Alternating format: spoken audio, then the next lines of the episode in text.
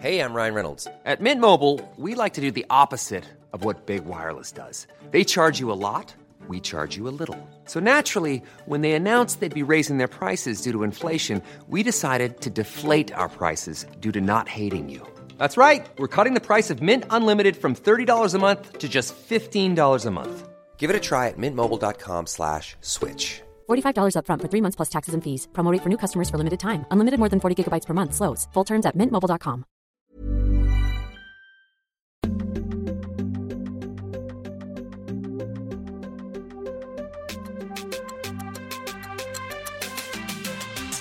mamma.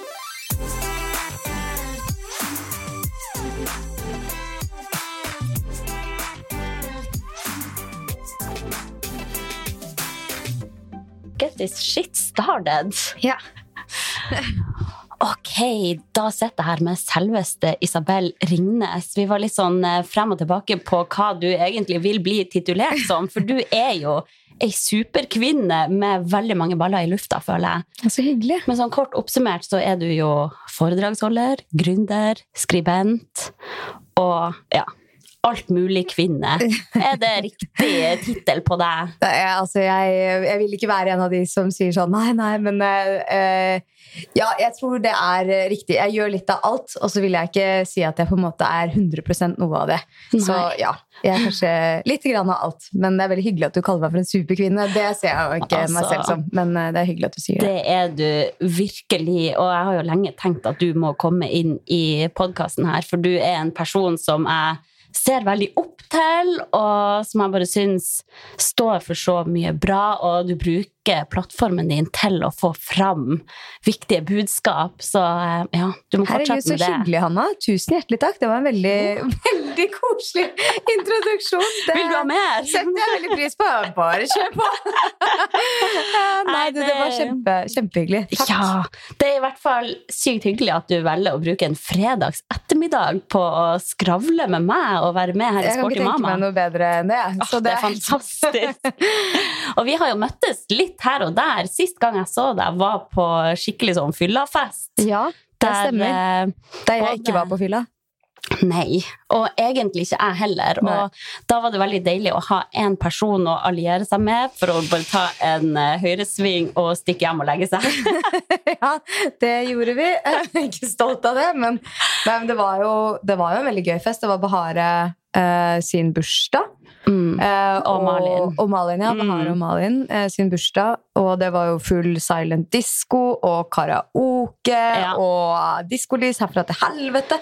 Så det var, liksom, det var veldig veldig gøy. Men uh, den typen arrangementer uh, Jeg liker ikke å si trenger alkohol, men uh, gjør seg ofte litt bedre med noen bobler innafor. Det er akkurat det. Man kommer fort til et punkt der man må ta valget, gå hjem og legge seg, eller begynne å styrte for å komme opp på nivå med de andre. Det kan du si. Og i og med at vi, man er gravid og, og ammende, eh, Mm. og ammende for ditt, eh, for ditt vedkommende, så er jo ikke det noe alternativ, på en måte. Nei. Nei. Det er akkurat det. Så eh, ja, ja, vi får ta igjen den festinga om noen år. Yes, Men, altså, vi klare. eh, kan du gi oss status på livet ditt nå? For du har jo da en gutt på Ti måneder, akkurat. ti måneder. Ja. Ja. Og er gravid Og er gravid. Eh, 17 uker i dag. Wow! Det er jo helt rått. Ja, det er eh, veldig hyggelig, altså. Jeg, Ja. Men jeg er sånn, sånn Jeg sitter og jeg kjenner at jeg nå planlegger livet liksom før og etter nummer to. Fordi Mm. jeg kjenner at nå er plutselig Litt sånn som jeg kjente før jeg fødte nummer én. Så var det sånn, ok, greit, jeg kan, Nå kan jeg få gjort masse før Mm. han blir født. Fordi jeg, jeg kan ta det oppdraget, det oppdraget Jeg trenger Ja. å svare til noen. Jeg har ingen ansvar. Eh, og så ble han født, og så var det litt sånn, ok, greit, nå må jeg begynne å kalkulere hvordan jeg skal bruke tiden min igjen, og det er masse logistikk, og det er liksom, må begynne å tenke over hva jeg sier ja og nei til, prioritere hardt. Og så er jeg liksom nå i en fase hvor jeg er sånn Ok, greit, nå er alt mulig. Eh, Det er kjempelett å ha én unge. Jeg får Ja. to. Hvordan skal dette gå, liksom? Eh, Så nå er jeg en sånn Status livet er at det er veldig mye jobb. eh, Og det er fordi at jeg bare har takket ja til helt sjukt Mm. mye. Som jeg syns er gøy.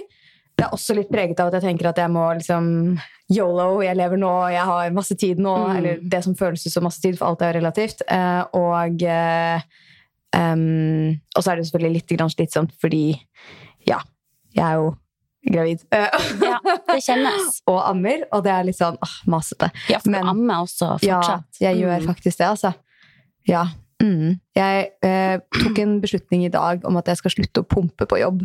For det for Ja. meg er så åh, Det er så masete. Ja. Alt det derre å vaske og passe på at Det er det eh, som er mest Altså, styr med pumping. Det er den steriliseringa av alt.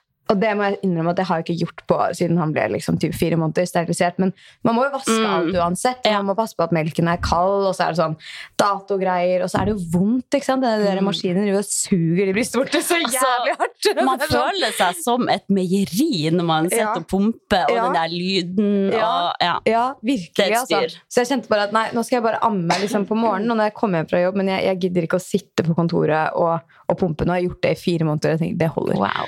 Ja. Men altså, kroppen er jo så fascinerende da. At du er gravid og samtidig produserer melk. Ja, det er jo flott hva kvinner får til. Ass. Det er helt Ja. sjukt. Men blir du den, sliten av det? eh, Nei, ikke sånn eh, i For det krever jo sitt av kroppen, da. Ja, det gjør jo det. Jeg var veldig sliten de første tolv ukene. Ja. Eh, det var jeg, men det var jeg jo første svangerskap og uten å amme. Men Mm. eh, nei, jeg føler egentlig at nå Altså nå kunne jeg jo Nå føler jeg at jeg ikke er gravid. Fordi jeg er i uke 17. Ja. Og det er den derre dream trimester, da det må du bare nyte. Ja, jeg nyter det veldig. Ja. Har, altså sånn, når man begynner å bli sånn ordentlig tung og stor Det husker jeg fra for, Å, fy fader, de, første, de siste to månedene. Ja. Jeg syns det var tøft, altså. Og det er når du har en liten også. Ja. Som ikke sover om natta!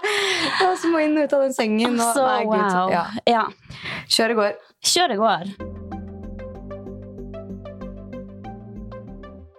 Men du, du sa jo at du egentlig ble litt overraska over å bli invitert i Sporty mama. Så jeg er jo veldig sånn nysgjerrig på ditt syn på trening og alt sånn.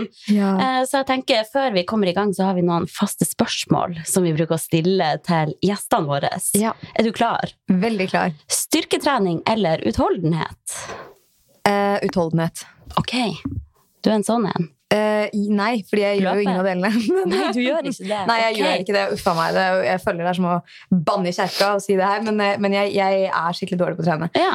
Uh, og jeg syns trening er kjempebra, og jeg føler meg bra når jeg trener, og det er, jeg misunner alle som gjør det. Jeg bare er ikke så god på det sjæl. Nei, det er interessant. Nei, jeg okay. hadde veldig sånn løpebasil eh, for mange år tilbake. Det føles Ja. liksom lenge ut nå, men da løper jeg jo hele tiden. Var med i Mm. masse løp og syntes det var kjempegøy. og sånn, og så Mm.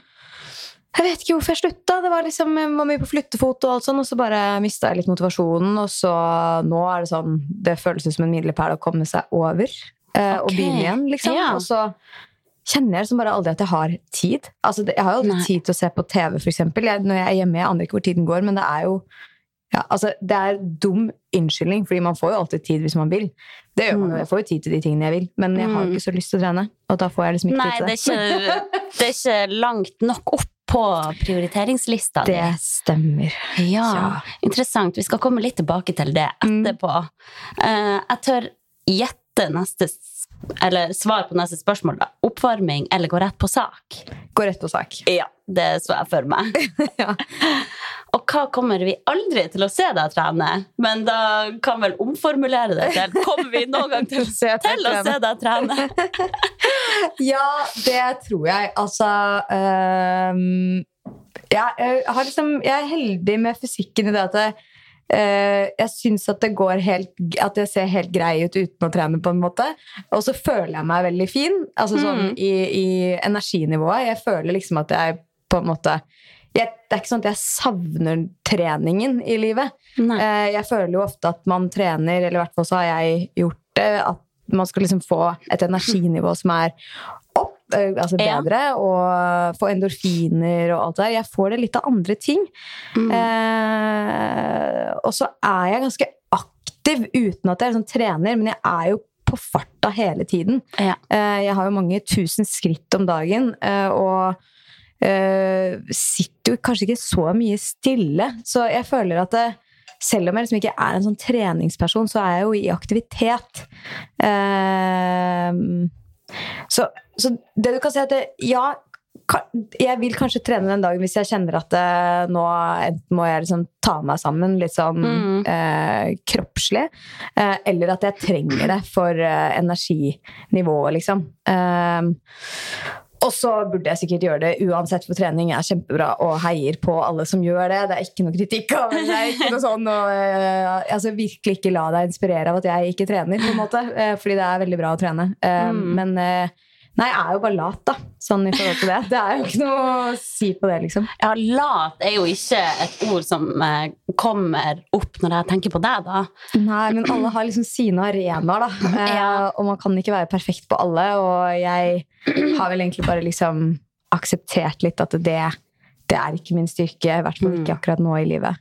Men sånn sett i et folkehelseperspektiv, da, så kan det fort være sunnere å ha høy hverdagsaktivitet eh, kontra å ligge på sofaen hele dagen og 45 minutter med trening, og så ligger man på sofaen resten.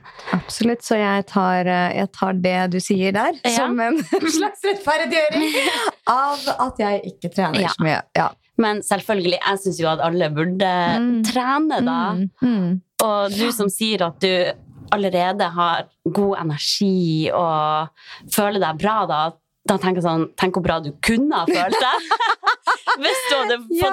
snekke inn 20 minutter Ja, tre ganger i uka, da. Du har veldig rett. Altså, I covid da løp jeg en del, Fordi da var man så jæklig låst inne. Mm. At da kjente jeg at jeg måtte ut, og da, Ja. da løp jeg. Eh, typ nesten en dag i uka. Nei, en dag i uka. En, Mm. dag, en gang hver dag.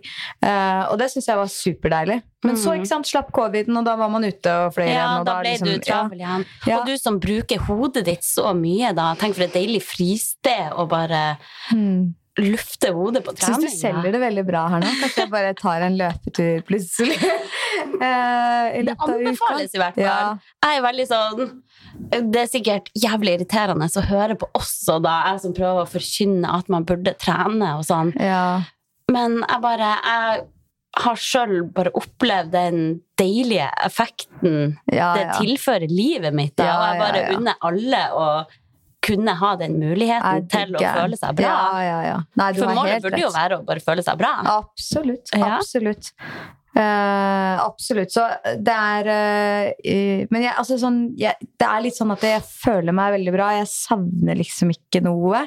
Mm. Uh, men så Så er det bra å trene for kroppen, liksom. Altså sånn for Mm. å Av alle mulige grunner. Blodsirkulasjon og celledeling og typ alt mulig rart. Liksom. Forhindring av alle de gufne sykdommene vi vet om. Ikke sant. Ja. Så det er liksom, det er ingen grunn til å ikke gjøre det. Eh, men eh, Nei, jeg vet ikke. Det er, eh, det er litt sånn langt nede på prioriteringslisten. Men jeg, jeg, jeg Ja. ser jo folk løpe. Samboeren min trener masse. Jeg ser jo folk lø- løpe Jeg så det rett før jeg gikk inn her, og så så jeg på det og tenkte sånn Det er godt jobba. Godt jobba Henrik. Det sånn, det er Bra jobba! liksom. Heier fra sidelinja! Ja, ja. Jeg, blir, jeg, er veldig, jeg er veldig imponert over de som, eh, over de som eh, løper mye og trener mye. og Mm. Altså alt med måte. Eh, men jeg syns, jeg syns det er bra. Jeg syns det er flott at vi har forbilder som deg, Hanna, som viser frem de fantastiske fordelene som det er ved å trene. For det er, det er våre fordeler. Eller sånn, hvis du ikke overdriver, da. Så Ja, det det er jo det. Og, men jeg tror bare at altfor mange har et annet syn på trening. Man tror at man skal trene for å se sånn og sånn ut. Ja. Og vektnedgang er hovedmotivasjonen til at veldig mange kommer i gang med trening. Eller Mm. at man vil ha ei sånn og sånn rumpe, eller ja, hva enn. Men Ja. altså Det er så mange andre helsefordeler med å trene, da. Ja. Og ikke minst bare den godfølelsen du får der og da. ja, ja. Nei, det er mange gode grunner til å trene. Absolutt. Ja.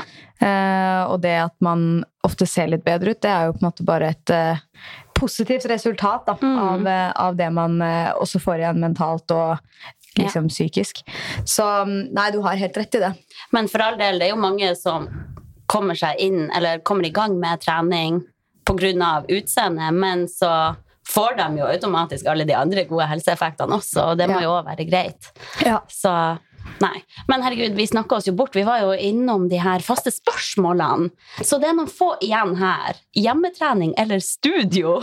Eh, hjemmetrening. Jeg hater studio. Her gjør du! Ja, gud, jeg det er helt grusomt. Jeg føler det er sånn Hvorfor? Fordi jeg føler at det er en sånn derre Og det er sikkert ikke det, men sånn Uh, Hei, se på meg-type greie. Altså, jeg Ja. hadde ikke klart å bare være der og gi F Fordi jeg føler at liksom enten folk ser på deg, eller at du ser på andre. Og jeg vet jo hvordan det er, for jeg har jo sett eller hørt andre folk sitte og kommentere folk de har sett på gymmen. Og da er det sånn, det, jeg, ja. Så, Ja. å herregud, hun var sånn, eller han var sånn. Og jeg bare, ah, nei, jeg har ikke lyst til å være en sånn der Et eller annet objekt som man driver og kommenterer opp ned i mente. Mm. Hvis jeg skal trene, så vil jeg at det skal være et fristed hvor det bare, jeg kan se så jævlig ut som jeg bare vil, og at det ikke er noe Mm. Og det er liksom sikkert kanskje et sånt Oslo-fenomen, men det er jo Folk ser ikke jævlig ut, i hvert fall mange ser ikke jævlig ut på trening. Eh, folk ser sjukt bra ut, og det, hadde, det hadde blitt bare enda mer stressmoment for meg, fordi jeg gidder ikke det. Nei. Jeg gidder ikke å pynte meg før jeg skal på trening, og det opplever jeg litt at, at det liksom når jeg ser gjennom vinduene, da, når jeg Ja, ja. går forbi disse treningssentrene, så tenker jeg de ser altfor fresh ut til å være på trening. Men, så, så for meg er det liksom ikke noe Jeg vet ikke. Eh, det er et mareritt å skulle bli låst inn i et sånt type studio, men eh, hjemme Ja. Der kunne jeg trent. Hadde ambisjoner om å trene. Hadde sånn treningsspeil som jeg nylig solgte på Å, Finn. ja. Ja, der kan du se hva, hva som skjedde med det treningsspeilet. si. Ripp det. Ja, rest in peace. Eller eh, det vil si I hope you have a beautiful life with your new owner. Uh, men uh, nei, igjen, altså. Det er, det er dårlig på treningsfronten. Ja, det er interessant det du sier med studio, da. For at eh, jeg har kanskje et litt annet syn på det. Men jeg er sånn, jeg drar på studio, bare putter på musikken, er helt inne i egen boble. Bare Jeg ser knapt på noen andre. Har fokus på å bare bli ferdig med mitt. Jeg ser jo sikkert helt jævlig ut når jeg bare durer på der, men jeg bare helt inne i egen. Ja. Get shit done. Takk for meg. Ha det. Ja, og det, og det er sånn jeg også nok ville Jeg bare Jeg vet ikke. Eh, mitt inntrykk er vel ikke at det er helt sånn i praksis. Jeg tror man kan gå inn med den innstillingen.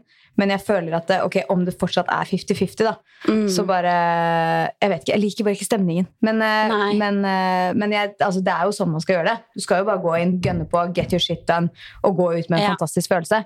Ja. That's the way it should be, liksom. For alle som er der, er jo bare opptatt av hvordan man sjøl ser ut. Uansett. Selvfølgelig. Selvfølgelig. Folk driter jo i hvor mye de andre løfter, og hva de andre gjør. Ja, det kan Ja, jeg Tror vet ikke. Deg, i hvert fall. Jeg, Men, vet ikke, jeg ja. kjenner en del som trener, og jeg bare ser hvordan, hvordan eh, praten går da, om de okay. som man observerer på Ja. treningssenter. For det kan jo hende at det står folk der og tror at jeg er der for å vise meg frem, selv om jeg bare er helt i megaboble Ja, og ja. gjør mitt. Ja, Så nei. ja. Nei, altså, man må bare gi faen, tenker jeg. Man må gi faen i hva andre faen. syns, Ja. og hva andre sier. Men eh, ja. Nei, altså det er, eh, det er i hvert fall ikke et fristende forum for meg. Nei, jeg skjønner. Og eh, du er garantert ikke alene om det, å Nei. ikke digge studio. Nei, Og så er jeg sikkert også litt fordomsfull fordi at jeg ikke er en del av det. Jeg tror sånn, Hvis jeg hadde vært en del av det, vært i det miljøet og liksom Mm. vært eh, der hele tiden, så hadde det sikkert ikke vært sånn. Ja. Jeg er jo farget av at jeg har en frykt for studio, liksom. Ja, ja. Så Å, men det det er jo er så mange som er som deg, da. ja. Heldigvis finnes det jo mange gode muligheter for hjemmetrening nå, da. ja, det Ja. gjør det. Blant annet min egen treningsportal. Si, Snikreklame. Ja, nei, men Det er veldig bra. Kanskje det er det jeg skal teste? Ja, Shape up med Hanna. Da okay. er jeg hjemme i stua di, eller på skjermen, da, Oi. og guider deg. Ja, men så hyggelig. Min samboer etterlyser hele tiden at vi skal trene sammen hjemme. Ja. Så da skal jeg til- Da kommer han til å bli helt i sjokk hvis jeg drar opp Mac-en og bare let's go! Så eh, da hadde jeg blitt rørt, rett og slett. Ja, ja, ja. Nei, men da, det er notert. Det skal jeg, det skal jeg få til før jul en eller annen gang. Ja, der er du god. Ja. Ok. Eh, Sjokkis eller potetgull? Sjokkis. Ja. Her òg, 100 Mm. Og hva spiste du til frokost i dag? I dag spiste jeg surdeigsbrød med eh, gulost og majones og agurk. Deilig. Ja, det var egentlig det. Jeg spiser på jobben. Jeg kommer på jobben, og så okay. har de ferskbrød fra Åpen bakeri der. Så da Mm. Ja, og så er det litt sånn, jeg sniker meg ut om morgenen fordi min samboer er i permisjon. Ja. Hvis jeg blir hjemme for lenge, så blir jeg på en måte en del av alle oppgavene i morgenrutinene. Og de, de har jeg tatt i et halvt år, og nå er det hans Mm. tur, så jeg sniker meg liksom Vi er i akkurat samme situasjon. Ja. Min mann er også i pappaperm, så da gjelder det å bare skyggebanen, Ja. komme seg av gårde. Da vet du akkurat hva jeg Ja. står i. Så nei, det blir frokost på kontoret. Ja, høres bra ut. Men ok, litt tilbake til eh, det her med at du er gravid nå. Og har du alltid ønska deg to så tette? Ja, det har jeg. Eh, eller sånn alltid og alltid. Jeg trodde jo at jeg skulle få barn når jeg var typ 26, ikke sant? Når jeg var barn-barn. Ja. Jo, men altså sånn, jeg tror Altså når jeg hørte at folk var 30 når jeg var 15 Altså 30 var Ja, ja, det var gamle dritgammelt. Ja, Ja. er du gæren? Foreldrene mine var jo på en måte Mm. Ja, nei, jeg vet ikke, de var jo ikke 30 da, men altså sånn De var jo Altså, jeg bare føler at det var Alt er jo selvfølgelig relativt, men eh, jeg hadde nok helt andre forventninger til hvordan 20-årene skulle se ut, og hvordan 30-årene skulle se ut. Og så er det jo på en måte blitt sånn at vi vi, vi driver jo liksom maksimal selvrealisering og karrierejag eh, og utdanning gjennom 20-årene og begynnelsen av 30-årene. Og så plutselig så er det sånn Å, dersken! Jeg har en Ja. biologisk klokke! Der er jeg nødt til å levere eh, hvis jeg skal få til eh, den andre siden av på en måte Mm. eh, drømmene som man har i livet. For noen, i hvert fall. Eh, og eh, da må ting gjøres ganske fort. Hvis du vil ha barn. Uh, Så plutselig fikk du litt sånn eh, stress? Nei, altså Jeg vet ikke om du kan kalle det stress, men det er sikkert litt stress også. I hvert fall i underbevisstheten. Ja. Altså Jeg traff jo en mann som jeg tenkte dette er mannen i mitt liv. Og etter å ha liksom eh, vært ute et par vinternetter, så har man jo lært seg selv å kjenne litt og vet hvilke Mm. verdier og, og sånn man ser etter. Så så jeg at vi matchet på mange områder, og det er jo altså sånn, vi, vi er ulike også på mange områder, men jeg, var ganske, eh, jeg var ganske sikker på at eh, dette er han jeg har lyst til å tilbringe mitt liv med. Og det er jo, eh, har i hvert fall vært for meg viktig eh, å gjøre det samme med noen eh, som jeg elsker. Mm. Og så eh, gikk det jo ganske fort, da. eh, til vi fikk nummer én. Jeg var vel gravid etter eh, Ja, vi traff hverandre i mai, og så var jeg gravid første gangen i eh, februar. Oi!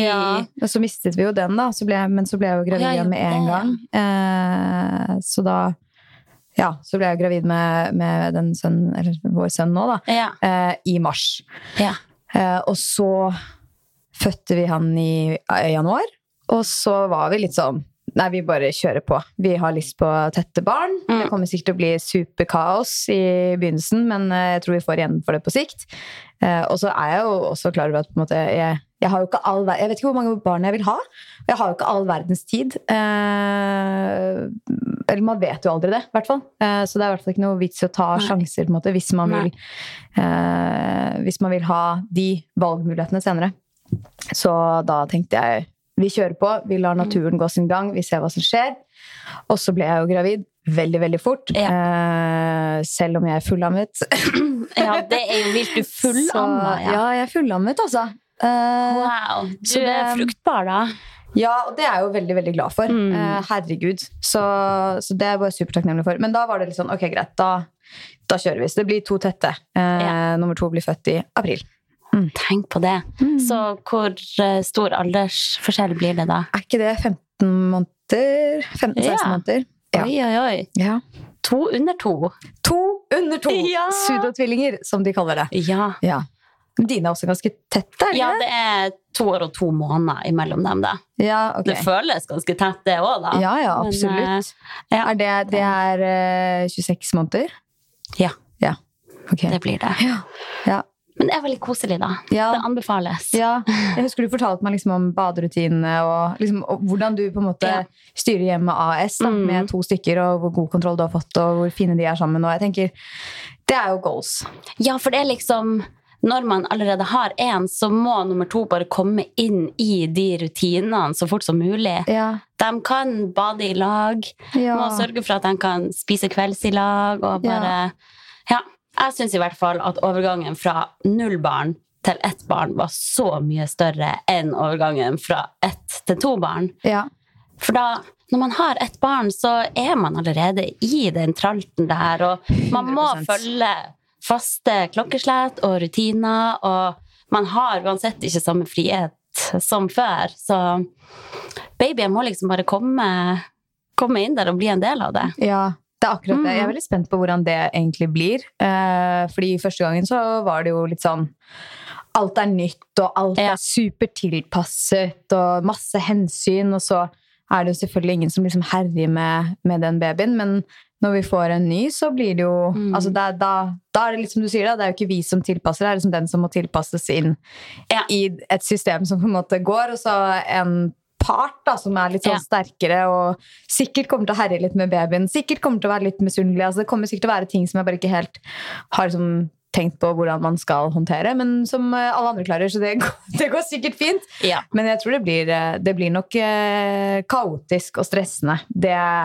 det tror jeg, den første tiden. Det, jeg er ikke så naiv og blåøyd at jeg tror at det der kommer til å bare være en dans på roser. Selv om Neida. men ofte de som sier at det er helt fantastisk, det er jo de som hadde, eller fikk spedbarn for ti år siden. Jeg tror de har sånn glemt litt grann Ja. hvordan det var.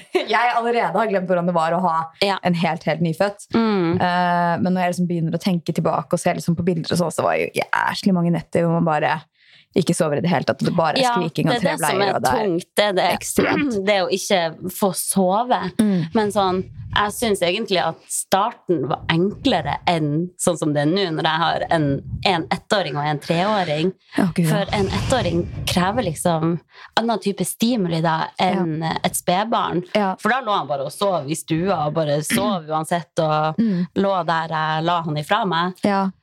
Ja. ja, det er jo luksus. Liksom, så all, alle ja, faser har på en måte sine fordeler og ulemper. det er akkurat det. 100 Det er liksom digg når de blir litt mer robuste også, for da er du ikke så innmari redd for å liksom Ja. At alt skal skje hele tiden. Altså, jeg var jo livredd når han skulle sove i sengen med oss. Liksom. Ja, ja. Altså, jeg klarte jo ikke, Selv om vi da skulle sove, så klarte jeg ikke å sove, for jeg var så redd Nei. for at en av oss skulle rulle på han. Liksom. Så jeg satt jo bare lå som en sånn her mamma-gjerde. Ja. over han, liksom. Og jeg tror ikke jeg er alene om det. Um, så det er liksom- det er, så mange, ja, det er så mange faser, og det er så mye Ja. man skal gjennom. Og her sitter jeg og prater som jeg kan alt, og en ti måneder gammel. Liksom. Men eh, jeg har allerede fått være gjennom noen faser og vet at det, vet at det varierer. Da. Så det er Ja, det gjelder nok å bare senke ambisjonsnivået også for hva man skal til. Og Ja. jeg merker i hvert fall at jeg var ganske mye mer chill på nummer to. Mm. Med sånn Ok, det går fint at han har en flekk på bodyen. Han kan sove ei natt i body og bukse i stedet for pysj. Altså Ja, ja, oh my God, det- ja, der, der har jeg vært fra dag én. Han har jo bare brukte klær, så han har jo ikke et eneste plagg som er rent, tror jeg. Eh, men det er liksom Mm. greit. Altså, sånn, jeg vet ikke, jeg, kanskje, kanskje når jeg ser tilbake på bilder, så kommer jeg til å tenke sånn Herregud, han så shabby ut. Men så er det noe litt søtt med det òg, da. Ja, herregud, det er jo bare så bra. Bra for miljøet og alt. Ja. Og i hvert fall med min nummer én. Jeg hang over han hele tida. Ja. Altså, snakka med han, sang for han hele tida. Han lå jo aldri i fred. Nei. Men det har jo min nummer to blitt nødt til. Ja. Han har vært nødt til å leke alene og styre med sitt, for jeg har vært mye alene med begge to. Ja. Og jeg tror egentlig det er litt sunt, at han lærer seg å trives i eget selskap også. Absolutt. Ja. Det tror jeg òg. Men det kommer til å bli så bra. Eh, men du var jo inne på det her med at du pumper på jobb, og med førstemann så var du jo veldig kjapt tilbake på jobb igjen. Var du ikke Ja, det? jo. Eh, jeg personlig, altså dette er jo ulikt for alle, så det er liksom viktig at jeg ikke sier dette for å predikere hva jeg tror er rett, men for meg var det riktig å komme tilbake på jobb ganske tidlig, og det er litt på grunn av det yrket jeg har, i at jeg, som du nevnte, eh, jobber for meg selv, driver mye med kommunikasjon, påvirkningsarbeid. Det er liksom, jeg er eh, litt avhengig av å holde meg oppdatert på hva som skjer. Mm. Eh, har ikke egentlig lyst til å forsvinne ut av det. Mm. Um, og så liksom måtte på en måte karre meg inn igjen. Uh, og så er det noe med at jeg får ekstremt mye glede av jobben min. Uh, det gir meg balanse i livet. Det gir meg uh, en helt annen stimuli, da. Eh, jeg elsket jo å få barn. Jeg syntes det var helt fantastisk hyggelig. Mm. Og så elsket jeg også den ene dagen i uka hvor jeg var tilbake på jobb. Eh, Ja. Jeg gikk tilbake, fordi det er de første seks ukene så må du være i permisjon, så jeg gikk tilbake 20% etter seks uker. Og jobbet én dag i uka frem til sommeren. Og etter sommeren så har jeg jobbet i 80 eh, Så jeg har vært tilbake fire dager i uka. Og så vært 100% tilbake nå siden Ja. oktober. Så, og samboeren min har da gjort det motsatte. ikke sant? Så vi har liksom vært Mm. 100 eh, eller 50 begge to, og så gradert Ja. eh, permisjonen vår. Og eh, jeg syns det har vært litt sånn interessant hvordan alle liksom, syns at det er så eh, oppsiktsvekkende. Da, eller at eh, «Å, ja, du har ikke vært borte i det hele tatt. Jeg har, jeg har absolutt vært borte fra jobb, jeg har absolutt tatt permisjon. Mm. Eh, men det er ingen som spør min samboer om det på samme måte. Der er det Nei. mye mer sånn Oi, jøss, har du så mye permisjon? Ja, ja. Og herregud, og hvordan er det? Og, Ja. og så jeg når, jeg, når jeg er på jobb, så får jeg veldig ofte spørsmål med sånn hakeslepp Hvor er sønnen din? Ja. Og så er jeg sånn eh, Nei, altså, han er jo hjemme med sin far, da. Altså. det er jo Er det pappaen som passer på? Ja, er det han som er barnevakt passer? i dag? Og så er det litt sånn, det er, eh, det er ganske mange sånne signaler som, eh, som jeg liksom har blitt litt sånn oppmerksom på. At det, det Mm. er ikke så rart at, at, de, at, at man tar de valgene man tar. fordi det er jo, altså disse valgene tas jo ikke i et vakuum. Og det er, og det er mange kvinner som ønsker å ta hele permisjonen og Mm. ulønnet permisjon. Og det har jeg full respekt og forståelse for. Det var ikke riktig for meg, og jeg tror det er mange det ikke er riktig for. Eh, og da tenker jeg at vi må også på en måte tilrettelegge for at det er helt greit, det Mm. òg. Så Og jeg tror jeg kommer til å gjøre akkurat det samme med nummer to. eh, for jeg syns Ja. at denne kalde permisjonen har vært helt super. Eh, for jeg har både fått tid med barnet, men også ikke mistet meg selv oppi det hele. Så jeg har liksom, og så selv når jeg har vært hjemme med han, så har jeg liksom Sånn som du sier, da, i begynnelsen så sover de veldig mye. Da fikk jeg jo tid til å lese meg opp og Ja. være i styremøter og var til og med en del av FN-delegasjonen i, i New York eh, digitalt. Og liksom Herregud, fikk jo rått, liksom gjort en del ting som jeg bare Ja. Ja. nei, det var riktig for meg. Det har vært gøy. Ja. Det, det, det syns jeg var fint, liksom. Og jeg, har Mhm. ikke, jeg har ikke følt at jeg har gått glipp av noe med han av den grunn. Nei, det, Eh, alle må det finne fint. det som funker for en sjøl, Ja, da. det Jeg jeg. har også gradert permisjon denne gang, og det har vært veldig deilig å bare ha noen dager der jeg har brukt hodet på noe annet også. Ja. For det kan bli litt sånn ensomt også, å gå en hel dag alene med baby. Det er jo kjempekoselig, men det Mm. er som du sier, det er jo litt ensomt. Mm, det er veldig deilig å bare kjenne at man er litt sitt gamle jeg også, da. Og Ja. det må være helt lov, syns jeg. Altså 100 Many of us have those stubborn pounds that seem impossible to lose, no matter how good we eat or how hard we work out. My solution is PlushCare. PlushCare is a leading telehealth provider with doctors who are there for you day and night to partner with you in your weight loss journey. They can prescribe FDA-approved weight loss medications like Wagovi and Zepbound for those who qualify. Plus, they accept most insurance plans. To get started, visit plushcare.com slash weight loss. That's plushcare.com slash weight loss. Quality sleep is essential. That's why the Sleep Number Smart Bed is designed for your ever evolving sleep needs. Need a bed that's firmer or softer on either side? Helps you sleep at a comfortable temperature? Sleep Number Smart Beds let you individualize your comfort so you sleep better together. JD Power ranks Sleep Number number 1 in customer satisfaction with mattresses purchased in-store. And now, save 50% on the Sleep Number limited edition Smart Bed for a limited time. For JD Power 2023 award information, visit jdpower.com/awards. Only at a Sleep Number store or sleepnumber.com. Men jeg tenkte å snakke litt med deg om det her med teknologi. For Ja. du er jo helt rå på teknologi og er oppdatert på det som rører seg der ute. Ja, det vet jeg ikke. Det er så mye som rører seg der ute at det er, liksom, Ja, ja, det er umulig tiden. å være oppdatert er på alt. Men jeg er veldig enn- interessert. ja. Ja. Mer enn meg, i hvert fall. eh, hvordan bruker du teknologien i eget helseliv? Eh, faktisk et veldig godt eksempel på, på fingeren min nå, den Aura-ringen her. Ja. Eh, for de som lytter, så er det en gullring. Eh, den er laget av et finsk oppstartsselskap. Kan vet ikke, kanskje ikke kalle det oppstartsselskap lenger, men det er altså en helsering Mhm. som har tre sensorer i, i seg, og som da plukker opp i sanntid alt fra temperatur, oksygenmetning, hjertefrekvens, hjertefrekvensvariasjon, skritt eh, og en hel rekke andre parametere. Og hver natt så måler den hvordan jeg sover.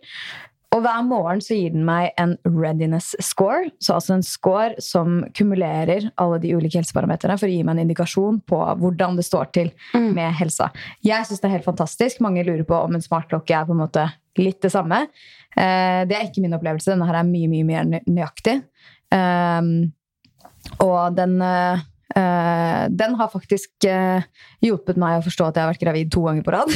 Ja, for det husker jeg du Ja. sa, for du hadde tatt negativ test. Ja, ja, Men ringen fortalte at du var gravid. Ja, og det er ganske utrolig, for det var jo som jeg sa, at jeg ble jo gravid tidlig og mens jeg fullammet, Uh, og hadde jo ikke egentlig fått syklusen min tilbake, så jeg var liksom, var ikke akkurat bredt på det da. Men så begynte jeg å se at hjertefrekvensen min var ganske høy over eh, en uke. Mm. Og det er jo sånn, den er høy hvis jeg er typisk syk, har en infeksjon i kroppen, Ja. um, er uh, superklein, uh, har sovet veldig lite, den typen ting. Og da gir jo også den applikasjonen tilbakemeldinger om at nå er jeg syk, nå Mm. står det dårlig til. Og det gjorde den da i en uke, men jeg følte meg helt fin. Og da tenkte jeg jeg tror nok at jeg, at jeg er gravid, men jeg hadde ikke noen sånne tidlige tester. Jeg hadde bare sånne vanlige tester. Ja. si. Og Ja. de tok jeg. Jeg tror jeg tok kanskje ti stykker, for vi var på en rundreise i Island. Oh, ja. Jeg tok de hver morgen og bare Nei, negativ. Ja, ja, da er den negativ, da. Ok, liksom. Hva, hva er det som er gærent? på en måte? ja. Og så kom vi frem til Husavik, og da var det et apotek. Det er jo, Island er lite, så det er ikke apoteker overalt. for å si det sånn. Eh, Men der kom vi frem, da, og da sa jeg til eh, min mann Skage at jeg tror Da hadde jeg ikke sagt noe til han ennå, for jeg turte ikke. Sånn, Herregud, jeg vet ikke hvordan han kommer til å reagere på det her. Så jeg bare Vi må kjøpe en tidlig test. Jeg bare Hvorfor det? Jeg bare Nei.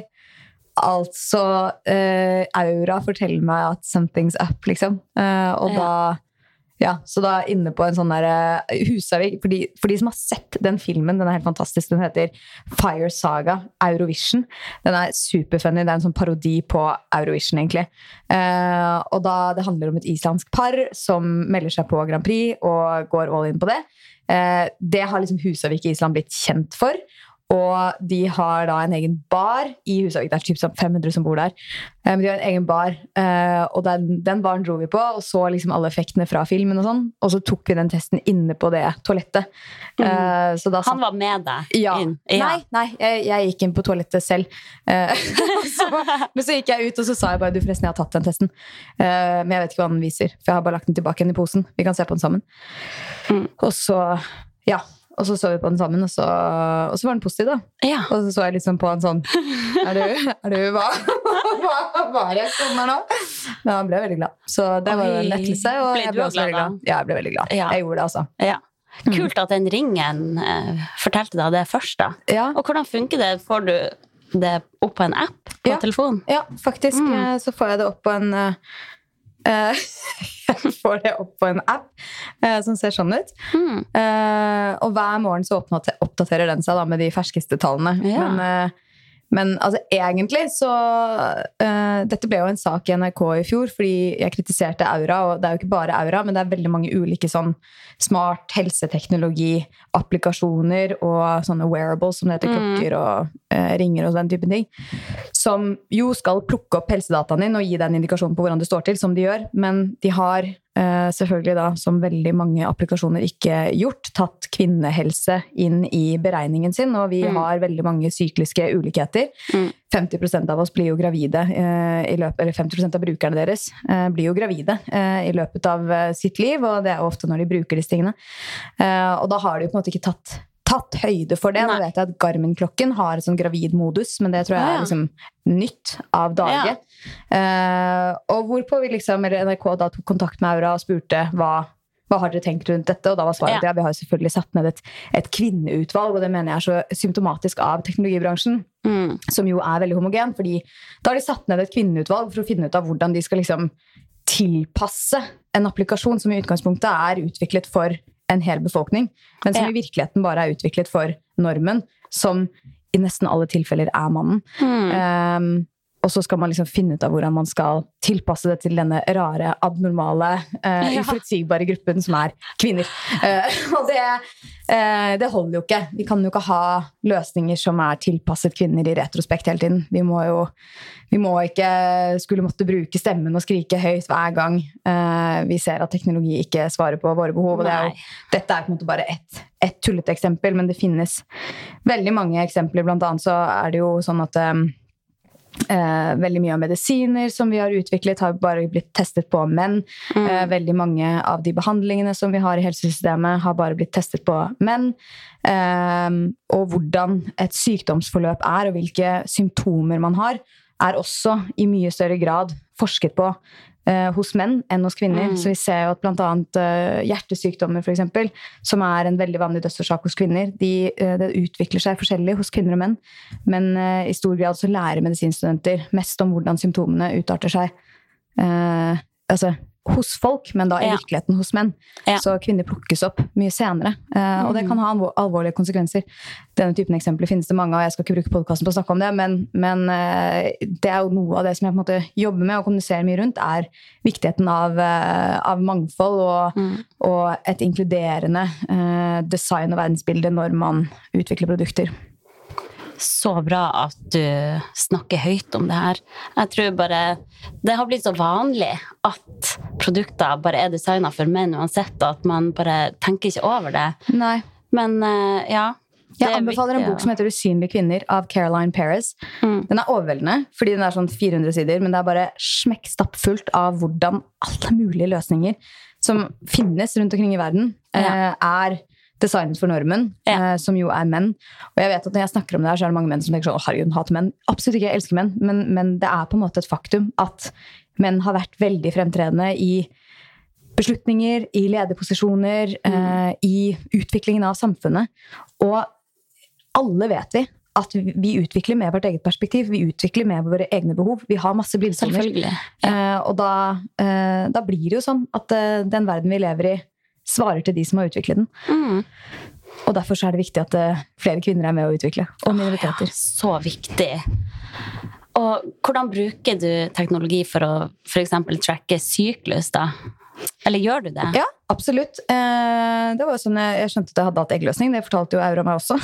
Ja. Så det er faktisk Aura som gjør det òg. Fordi Mm. Aura er, eh, plukker opp temperaturen, som jeg sa, og det er koblet opp mot Natural Cycles, som er en Mm. app utviklet av en svensk kvinne. Um, og jeg tror, eh, om det fremdeles er den eneste, det vet jeg ikke, men det er en av de få godkjente eh, ikke non- eller non-invasive da, eh, prevensjonsmidlene som finnes. Hvis du da eh, gir temperaturen din hver dag Ja. til den applikasjonen, så skal den kunne gi deg røde og grønne dager. Litt Ja. avhengig av om du vil eller ikke vil bli gravid. Um, og den har jeg brukt. eh, Den brukte jeg for å planlegge første graviditet og for okay. å forstå hele syklusen og når jeg har eggløsning. Og at det er helt genial. Og det finnes mange, uh, mange ulike varianter på det, men i og med at jeg er dårlig til å liksom ta temperaturen, og det virker kanskje litt sånn voldsomt uh, for noen å sitte der med den temperaturmåleren i munnen Ja. hver morgen, så har den ringen og den eh, appen kombinert vært eh, helt gull. ja. Så jeg, eh, det er den eneste prevensjonen håper jeg, jeg har. Ok, spennende. Jeg får jo veldig lyst til å teste en sånn ring. da. Det er sikkert svindyrt. Den koster 250 dollar, Ja, ok. så det er jo dyrt. Ja. Men ok, jeg så for meg at det var enda mer, faktisk. Ja, jeg tror du kan, få, liksom, du kan få noen av de som er litt dyrere. Det tror jeg er sånn avhengig av hvilken farge du velger. og sånn. Ja. Men uh, den er verdt det. Jeg har brukt denne her nå i tre år, Uh, så jeg har fått ned dødbrisen ja. Spennende. Mm. Så jeg syns jo det er litt artig, da. Du er veldig opptatt av å tracke egen helse og sånn, men du er ikke opptatt av å trene. Nei, det ene det gjøres jo automatisk. Det andre krever at jeg gjør noe. Så det er nok der forskjellen ligger. Men er du opptatt av hva du spiser? Nei, ikke det heller. Uh, jeg, altså sånn, jeg, jeg vil jo være sunn. Og jeg velger ofte det sunne alternativet hvis det er sunne alternativer. Eh, så det er liksom absolutt på en måte eh, Men jeg er også ganske usunn, på en måte. Mm. Altså, jeg er veldig glad i godteri. Eh, og på kontoret for eksempel, så er det godteri overalt. Ja. Så nå har det sklidd helt ut.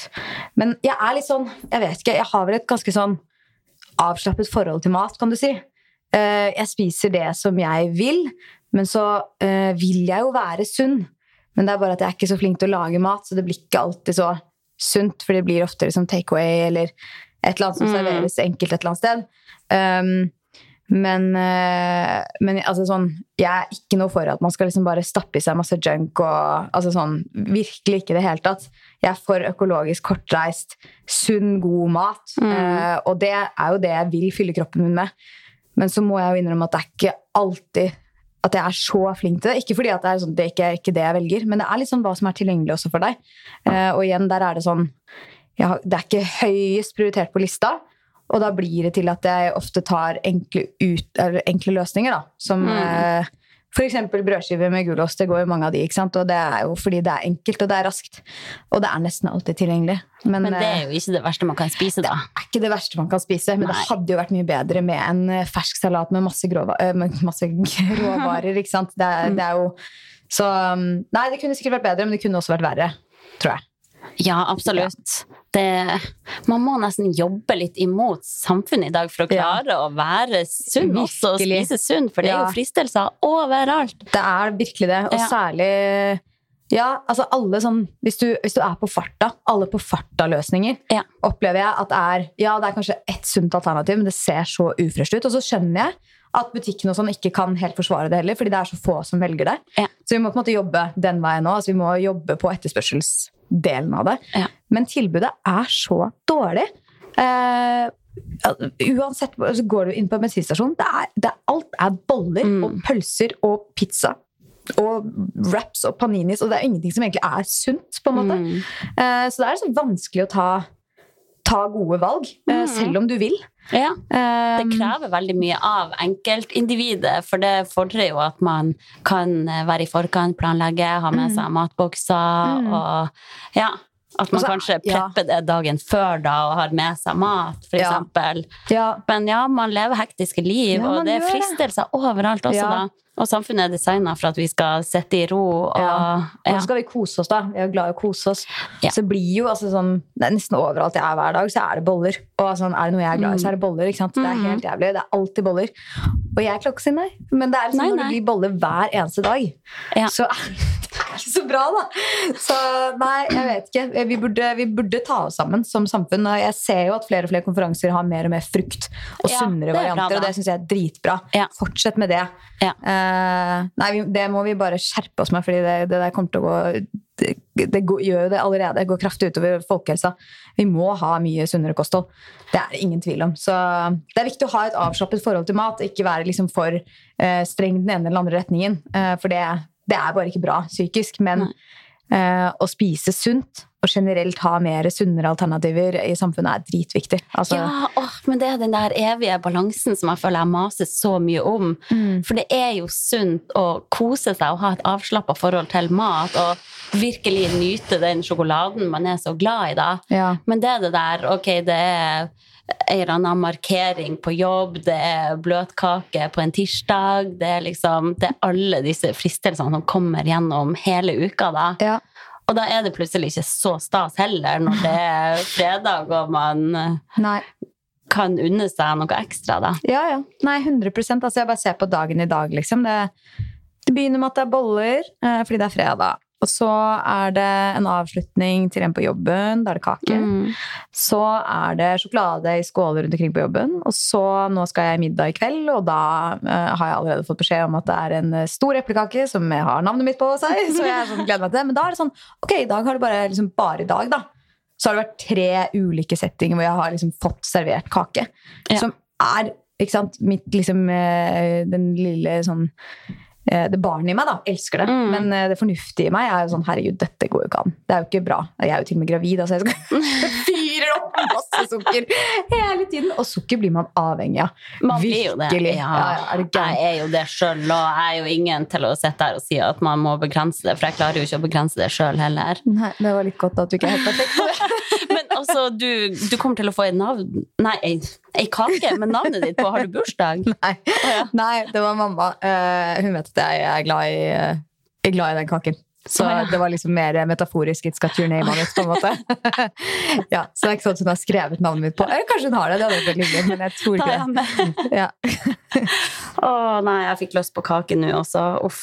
Ja. Vi får hoppe videre. For jeg tenkte å bare høre litt sånn dine tanker om kroppspress i dag, og kanskje spesielt om Har du noen tips til hvordan jeg kan opptre for å unngå å legge et negativt press på mottaker der ute, men samtidig fremme folkehelse og treningsglede? Åh, Gud. Ja, du spør ikke riktig oh, person. Jeg syns, det er et kjempevanskelig spørsmål. Ja, fordi ikke sant, akkurat det er så, For normalt sett så ville jeg svart uh, ikke ha så mye fokus på det. Øh, fordi altså, overdrevent fokus på kropp og helse. øh, og fordi det er ikke nødvendigvis sånn at én profil er overdreven, men det er jo det akkumulerte bildet som ungdommer får på ungdommer, altså oss også, som får på sosiale medier. Det er jo på en måte bare en strøm, fordi algoritmene fungerer jo sånn at hvis de ser at du liker kropp og helse og skjønnhet, så er det det de gir deg, og da får du veldig veldig mye av det, og det oppleves sant, som etter hvert et stort press. Ja. Um, og så um, ligger jo veldig mye i hvordan man kommuniserer ting, uh, og hva det er man fremmer. Jeg syns det er noen som er kjempeflinke på det. Um, som er uh, altså sånn eh, jeg syns jo hun um, Emilie Næring, for eksempel, uh, er superdyktig. Hun får jeg inntrykk av at har et uh, sunt forhold til, til helse og livsstil og kosthold. Mm. jeg kjenner henne ikke veldig godt personlig, men jeg, jeg opplever at hun i tillegg til å liksom uh, få frem eh, det med at uh, bra kosthold er viktig, så er det også mye fokus på liksom det mentale, og Ja. at hun er positiv, og at det også gir mye energi i hverdagen, for det er jo vel så viktig. Eh, jeg syns jo du også er kjempeflink.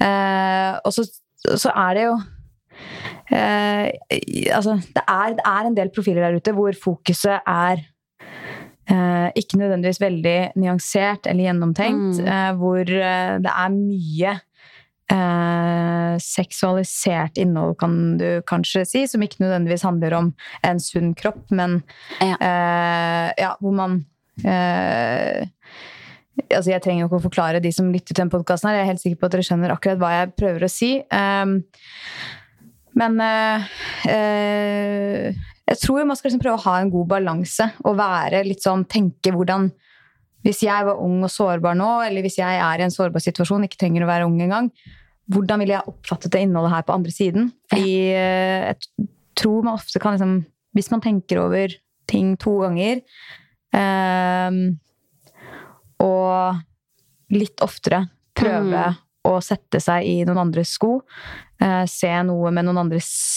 linse, så eh, tror jeg man blir litt klokere i hva man deler. Hvis man bare deler utelukkende at fordi man tenker Det er sånn jeg er! Dere må bare godkjenne meg! Sånn Ja. er jeg! Jeg gjør hva jeg vil! Hvis man bare har det mindsettet, eh, så tror jeg ikke innholdet blir så klokt. Fordi det er ikke sånn verden fungerer. Det er ikke bare meg. Det er ikke bare jeg. Eh, vi, alt vi gjør, påvirker andre, og eh, jo større vi blir, holdt jeg på å si, hvor, jo flere man på en måte har som ser til en, jo større ansvar har man, om man liker det eller ikke. Man kan jo velge å ta det ansvaret, man kan velge å ikke Ja. ta det ansvaret. Ja. Men uh, hvis man ønsker å være et, eh, et bra medmenneske, så, så bør man jo ta det ansvaret. I hvert fall er det mitt perspektiv. Ja, jeg er helt enig. Man bør virkelig klare å sette seg litt inn i hvordan mottakeren kan oppfatte det. Ja. Oh, men igjen, alle har jo ulike utgangspunkt, og selv om jeg kanskje står der og bare ønsker å fremme helse og en sunn livsstil, så kan jo andre oppfatte at jeg ønsker å fremme slanking. Mm. Så det der er litt sånn, man må trø jævlig varsomt for å ikke Får du mye kritikk, eller? Nei, egentlig ikke. Da Men gjør du jo igjen, riktig, det kan jo hende at det sitter mange der ute også som kan føle seg dårlig for at Og der er hun der irriterende igjen som sier at jeg burde trene, liksom. Ja, men det er liksom hvordan Ja, man sier det Altså, jeg, sånn jeg sitter jo ikke her og tenker at du prøver å fortelle meg at jeg skal trene fordi jeg må bli tynnere. Det er jo ikke det jeg oppfatter. Eh, jeg tror, men det er litt sånn, du kan jo ikke styre hvordan folk oppfatter alt du sier. Noen er jo sånn at de vil oppfatte nesten Og, og det gjelder ikke bare kroppspress, det gjelder Ja. hva som helst. Altså, Ja. du, kan, du kan ikke styre om noen vil si, eh, oppfatte eller eh, eh, ja, oppfatte det du sier i verste mulig hensikt. Mm. Det, sånn, så, sånn er på en måte bare internett. Eh, vi, er, Ja, er vi er jo sånn. mangfoldige der ute, så Ja. alle kan du jo ikke Hvis du, altså, hvis du skal prøve å liksom ikke eh, Holdt på å si eh, Hvis du skal skåne alle, så vil du ikke treffe noen, på en måte. Eh, så, så man må jo liksom også tørre å være seg selv. Eh, men eh, man kan jo reflektere litt om hvordan seg selv på en måte oppfattes. Ja, det er akkurat det. Men det som er så fucka i eh, dagens samfunn, da, er jo at hvis man spiller på kropp og alt det der, det er jo da man virkelig får følgere og likes og penger, og så man må liksom da Der må man Ja, bare holde på integriteten sin, Ja. tenker jeg. Fordi det er liksom dessverre det er, det er sånn Det er baksiden av, eh, av samfunnet. Jeg skulle til å si internett, men sånn har det jo vært i alle år. Altså, det, er jo, det er jo det som selger magasiner, og det er det som har selv, solgt filmer og eh, egentlig mediene i alle år. Så det er ikke noe nytt. Eh, men det handler jo om personlige valg som man tar, hvilken integritet man har, og hvem man ønsker å være og bli husket som. Eh, så det, Definitivt. Man skal ikke ha en dårlig magefølelse på noe man eh, legger ut der. Nei, Nei. kanskje liksom gå en ekstra runde med seg selv om hva Ja. motivasjonen er for å legge ut Mm. det innholdet. Mm. Men eh, sånn, syns du at det er mye kroppspress? Det er helt sikkert det. Jeg må innrømme at jeg følger nest, altså ingen, tror jeg, som, eh, som eh, Jo, kanskje noen. jo, kanskje noen. Men eh, eh, Eller som, som har den typen innhold da, som helt sikkert kan oppfatte, eller som helt sikkert oppfattes som, som kroppspress. Mm. Eh, men som ikke nødvendigvis appellerer til meg, må jeg innrømme. Men, eh, men det handler jo om at jeg har tatt veldig bevisste valg. Jeg vil ikke ha det i feeden min. Jeg vil ikke ha Ja. masse Uh, syltynne kropper eller overtrente kropper eller folk som er ekstremt opptatt av det. Mm. Fordi det er ikke det gjør ikke meg noe godt. Eh, jeg følger eh, folk jeg syns er inspirerende, folk jeg syns eh, gjør kule ting, mener bra ting, lærer meg ting, kanskje har ulike perspektiver enn meg selv. Jeg følger mine nyhetskanaler. Altså, så det er jo liksom hvem, hva er det du velger å fylle feeden din med også. Ja. men jeg vet jo at det finnes masse kroppspress inne Mm. på disse. Altså, jeg sitter jo i jeg sitter jo i juryen til Vixen Awards, og det er jo sånn jeg blir kjent med veldig mange av disse ulike influenserne på mange ulike kategorier. Ja. Eh, Så jeg skal ikke, si her og, eller skal ikke sitte her og si at ikke det, at ikke det er eh, fremtredende på sosiale medier. Det er Ja. det absolutt. Men, men det er ikke noe jeg fyller min feed med, og hvis jeg eh, en dag får en datter, så håper jeg så håper jeg at hun tar de samme valgene, og ikke minst at min sønn heller ikke tar, eh, tar de valgene. Eller altså, gjør de bevisste tidlig på da, hva man ønsker å fylle hodet og tiden sin med. Ja, åh, godt sagt. Det er jo litt sånn, ja, man velger sjøl hvem man vil følge, og hvem man oppsøker da. Eh, Men igjen, de unge som sitter og scroller, de blir nok bombardert uansett. Men eh, ja, la oss ikke gå mer inn på det vi kunne ha skravla til i morgen. Men sånn på tampen så vil jeg bare høre litt sånn om fødsel. Hvordan syns du det var å føde? Um, det er litt rart, fordi jeg har liksom gått gjennom en reise. Jeg var med på den fødselsbåten til uh, Tuva Fellmann uh, syv uker tror jeg, etter at jeg fødte. Og da Ja. var jeg fortsatt i en sånn adrenalinboble ja. om at wow, det var dritfett. Og det er dritfett å føde, gitt at ting på en måte går tålelig greit. Uh, det er jo helt rått. Det er så dyrisk og Ja. altså, vilt. Det er sårbart. Du er verdens sterkeste. Du er eh, samtidig på en måte verdens svakeste. Du er liksom alt på en gang. Um, og dette vet jo du veldig godt, for du har gjort det to ganger. Um, men etter hvert som jeg liksom har fått det på avstand, og etter hvert som den nye fødselen begynner å krype på meg, så er jeg litt sånn Fader, jeg har vært ganske eplekjekk i hvordan jeg har snakka om den fødselen. Altså, fordi, fordi jeg var jo sånn To timer etter at jeg fødte, så lå jeg ved siden av samboeren min med sønnen vår mellom oss, og så sa jeg sånn Fy fader, dette kunne jeg gjort igjen i morgen. Ok, du var der, Ja, jeg var Oi. helt sånn Wow, dette var amazing, liksom. Ja. Selv om jeg skrek og gråt og hylte under, under hele fødselen. Det var grusomt. Ja. Vondt. Men, eh, men, og den var jo lang. Altså, jeg holdt på i tre dager. Men eh, Tre dager? mm, Holy mm, shit. Ja, jeg var sånn, «Nå, faen. Men eh, nei, og så, og så kjenner jeg nå da, at jeg bare Å, fytti katsen! Det der skal jeg faktisk gjennom igjen. Så når jeg prøvde prøvd å liksom kanalisere hvordan var den smerten egentlig Mm. eh, For jeg husker at i begynnelsen så tenkte jeg sånn Ok, dette er vondt. Dette er sjukt vondt, men jeg klarer jo det. Mm. Og så etter hvert så ble det bare så vondt at jeg bare Dette klarer jeg ikke! Nei. Nå må dette slutte! Ja. Dette går faktisk ikke! Uh, og da husker jeg der jordmoren hele tiden sa sånn Mindre lyd! Mer trøkk! Eller mer press! Eller noe. annet. Jeg bare «Ah, jeg var helt fra meg! Og det er sånn Jeg tror jeg tror vi mennesker bare er skrudd sammen til å glemme det litt. For at vi skal liksom gidde å gjøre det en gang til. Tror du ikke det? Ja, Altså sånn- altså, jeg hører jo folk sier at man glemmer den smerten. Vel, jeg glemmer ikke den smerten Nei, det det der, for det var helt sinnssykt. ja, ja. Nei, jeg tror du har litt rett i det, ass.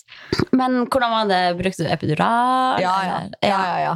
Altså jeg var litt sånn der, ja, nei, altså Hvis jeg trenger det, så trenger jeg det. liksom. Eh, Jeg hadde skrevet i fødselsbrevet at liksom, jeg vil gjerne ha alt som finnes av smertestillende. Men jeg tenkte sånn, jeg, jeg skal ikke ha noe før jeg liksom kjenner at jeg trenger det. Mm. Eh, det tror jeg kommer til å endre på i neste gang. Da tror jeg kommer til å være sånn bare give me it immediately. Men, eh, men eh, den funka jo bare på halve kroppen, og så måtte ja. vi drive og endre på den hele tiden, og det var liksom masse rot. Så den hjalp jo ikke så mye. Og så trodde jeg også at epidural var sånn Tar du den, så er resten smooth sailing. Ja. That is not true. Altså, det funker bare til du skal liksom i utpressingsfasen. Så er det jo altså, Ja. Det er jo da helvete på jord begynner, på en måte. Så det var sånn, jeg vet ikke, jeg, var, jeg, følte sånn, jeg følte jeg var litt lurt av Jo da, epidural var liksom Det var jo bra. Men Ja. det, er jo ikke, det tar jo ikke alt. Absolutt ikke. Du skal fortsatt gjør deg det. Det er litt sånn, eh, Hva skal man forvente av den epiduralen? Mm. Jeg gikk jo eh, etter Gikk du uten epidural? Ja, på fødsel nummer to var det helt uten i badekar. Å, fy Mm. fader! Ja. Respekt. Eller å si wow. Hvordan gjorde du det? Nei, eh, det er jo det? verste jeg har gjort i hele mitt liv, da. Men det var stykkfødsel i badekar. Å, fy fader! Jeg klarer ikke å forestille meg det. Å, Fy til greia var jo at etter fødsel nummer én, ja. da fikk jeg epidural. Ja. Men jeg har jo gått og sagt til alle at epidural funker ikke. Jeg Nei. kjente ingen effekt, for jeg syntes det gjorde så jævlig vondt. Men nå, etter å ha født uten epidural, okay, okay. da skjønner jeg jo okay. at den epiduralen har jo hatt en viss effekt. For den har jo tatt de verste smertetoppene, som jeg da fikk oppleve gang nummer to. Ikke sant? Og, det, og det er liksom til my point, da. At uh, det tar jo ikke alt i det hele tatt. Jeg trodde det var liksom alt. Men det er jo fortsatt dritvondt. Men da kan jeg bare forestille meg hvor forbanna vondt det er uten Altså, epidural. jeg anbefaler epidural Ja, ja, etter å ha født helt uten. Så eh, ja. Nei, altså, det... det- skal bare Det skal jeg ha med én gang jeg kommer Ja. inn uh, denne gangen. Og jeg skal jo føde i april, og det er liksom den mest busy måneden. Ja, I Ullevål. det. Er Ja. veldig mange som blir født i april. Ja, det er helt sjukt. Og så gikk jeg jo fra å føde i januar, som er den minst busy måneden. Ja. Så, og da var liksom samboeren min der hele tiden. Og alt sånt, så jeg, bare liksom, jeg er sånn, ja, sp- sp- spent, spent på hvordan den, hvordan den opplevelsen der blir. Men jeg syns det var bra. Altså, herregud, vi har fantastiske jordmødre. Ja, og, det er så flotte folk. og-. Ja, det er Ja. nydelig. Det er virkelig det, altså. Ja. Åh, nei, men det her kommer til å gå så fint. Jeg håper det. Jeg Ut håper det. kommer lille babyen uansett. Ja, det får man virkelig håpe. Herregud. Ja. Nei, det er jo eh, Det er jo, det er jo helt sinnssykt. Det Mm. er helt sinnssykt. Veldig glad jeg har fått oppleve det. Ja. Hvordan følte du at sånn, oppfølginga av deg sjøl var etter fødsel? Eh, Jeg vet at det finnes varierende opplevelser av det, men eh, jeg personlig opplevde at den var veldig bra. Vi hadde jo Mm. besøk av eh, jordmor hjemme hos oss etter en ukes tid, og så kom det jo en barnesykepleier etter en uke eller to. Jeg Mm. husker ikke helt tidspunktene, men det var jo flere folk hjemme hos oss fra helsestasjonen. Um, og hver gang jeg var på helsestasjonen, så fikk jeg veldig mye sånne dype spørsmål sånn Går det egentlig bra med deg? Hvordan har du det egentlig? Ja. Så det var, jeg følte liksom veldig at de gravde i liksom min psykiske helse, som jeg har skjønt at det er mange som opplever at blir oversett i den Mhm. veldig sårbare fasen som det er mm. når man er i barsel. Uh, jeg personlig følte ikke følte, altså var, egentlig, var egentlig veldig happy, eh, og kjente ikke på den uh, fødselsdepresjonen som jeg vet at mange kjenner på. Men, eh, og det er kanskje derfor jeg også opplevde at det var tilstrekkelig. Fordi jeg Mm. kjente ikke et behov. Men det er mange som, eh, som har et mye, mye større behov, og som eh, ikke føler at det er tilstrekkelig. For jeg vet jo ikke hvordan det er å føles hvis man faktisk trenger hjelp. Blir man da fulgt opp ordentlig? Mm. Er det bare ord? Det derre 'går det bra, går det bra'? Mm. Hva skjer hvis du sier nei? Hva, hva skjer videre da? Liksom? Blir du. Får du en oppfølging? Er den tilstrekkelig? Ehm, for det er jo det er supervanskelig, og det er superviktig. Det er, det er en så viktig tid i livet, fordi Ja. det er omveltende. Det er sårbart, det er ensomt, eh, og du har ansvar for et lite menneske. ikke sant? Så det er, Mm. det er mange ting på en gang. Så det er jo viktig at vi tar vare på alle nybakte mødre Ja. og fedre. Det er så viktig. Jeg syns det var litt sånn der Når man er gravid, så blir man veldig godt ivaretatt. Mm. Og masse oppfølging, og alle skal liksom behandle deg som ei prinsesse. Mm. Men idet ungen er ute, så er det jo egentlig kun fokus på kiden. Ja. Og ikke så mye oppfølging av mammaen, Mm. syns i hvert fall jeg. Jeg husker i hvert fall at jeg måtte trygle om å få den seksukerskontrollen på helsestasjonen, fordi Ja. de ville at jeg skulle gå til fastlegen min Ja. og gjøre det. Og jeg har en 70 år gammel mann, så jeg var litt mer sånn gira på at ei jordmor skulle Ja. ta den, da. Ja. Så bare det var liksom en liten sånn fight, da. ja.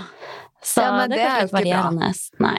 Det er ikke bra. Men. Eh, sånn skal det jo ikke være. Og jeg må jo innrømme at denne gangen her når jeg ringte helsestasjonen eh, for å få en jordmor Mm. i dette svangerskapet, så var det jo helt sånn De var helt overkapasitet og bare Nei, altså gud, vi vet ikke. Vi må ringe deg opp igjen hvis vi finner en time. Så Ja, sånn, wow. å ja, ok, greit, vi er der.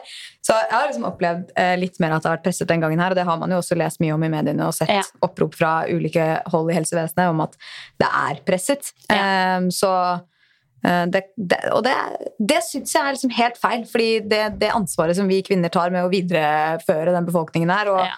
Altså det å få nye, eh, gode borgere inn i samfunnet, og den jobben, den helt sjuke jobben vi gjør for Mm. å faktisk gjøre det, eh, det skal tilrettelegge- tilrettelegges for så til de grader. Oh, altså det at vi i Norge har et av verdens beste eh, fødetilbud, eh, det skulle bare mangle. Ja. Vi er et av verdens rikeste land, eh, og vi skal heller ikke sitte og eh, sammenligne oss med andre land som på andre parametere vi aldri ville sammenlignet oss med.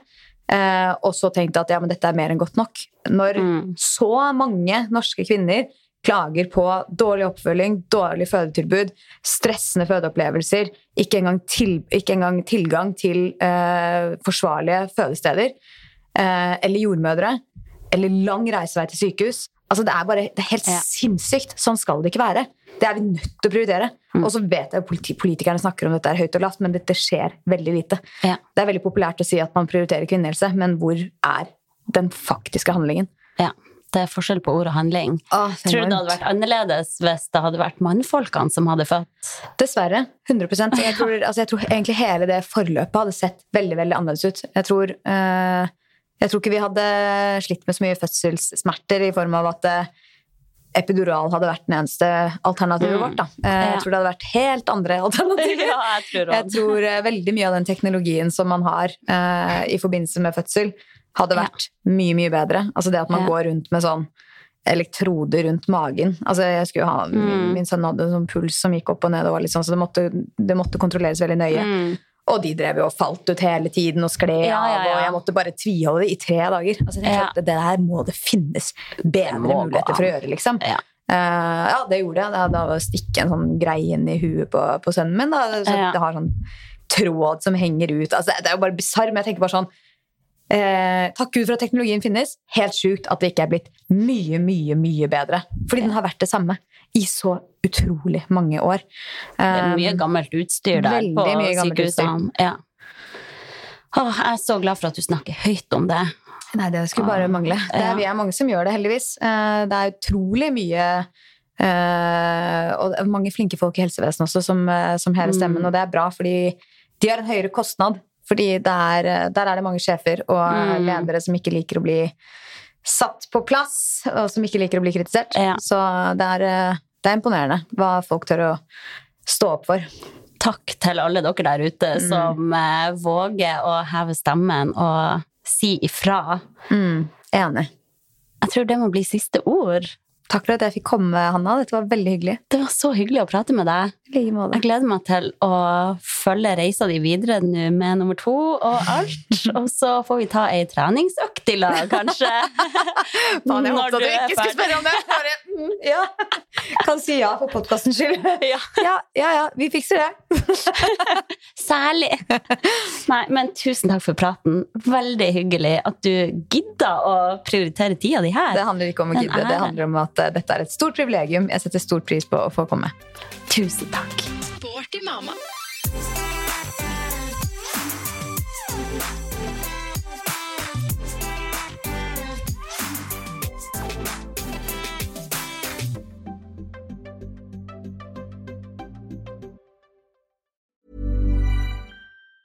Mom deserves the best, and there's no better place to shop for Mother's Day than Whole Foods Market. They're your destination for unbeatable savings, from premium gifts to show-stopping flowers and irresistible desserts. Start by saving 33% with Prime on all body care and candles. Then get a 15-stem bunch of tulips for just $9.99 each with Prime. Round out Mom's menu with festive rosé, irresistible berry chantilly cake, and more special treats. Come celebrate Mother's Day at Whole Foods Market. Mom deserves the best, and there's no better place to shop for Mother's Day than Whole Foods Market. They're your destination for unbeatable savings, from premium gifts to show-stopping flowers and irresistible desserts. Start by saving 33% with Prime on all body care and candles. Then get a 15-stem bunch of tulips for just $9.99 each with Prime. Round out Mom's menu with festive rosé, irresistible berry chantilly cake, and more special treats. Come celebrate Mother's Day at Whole Foods Market.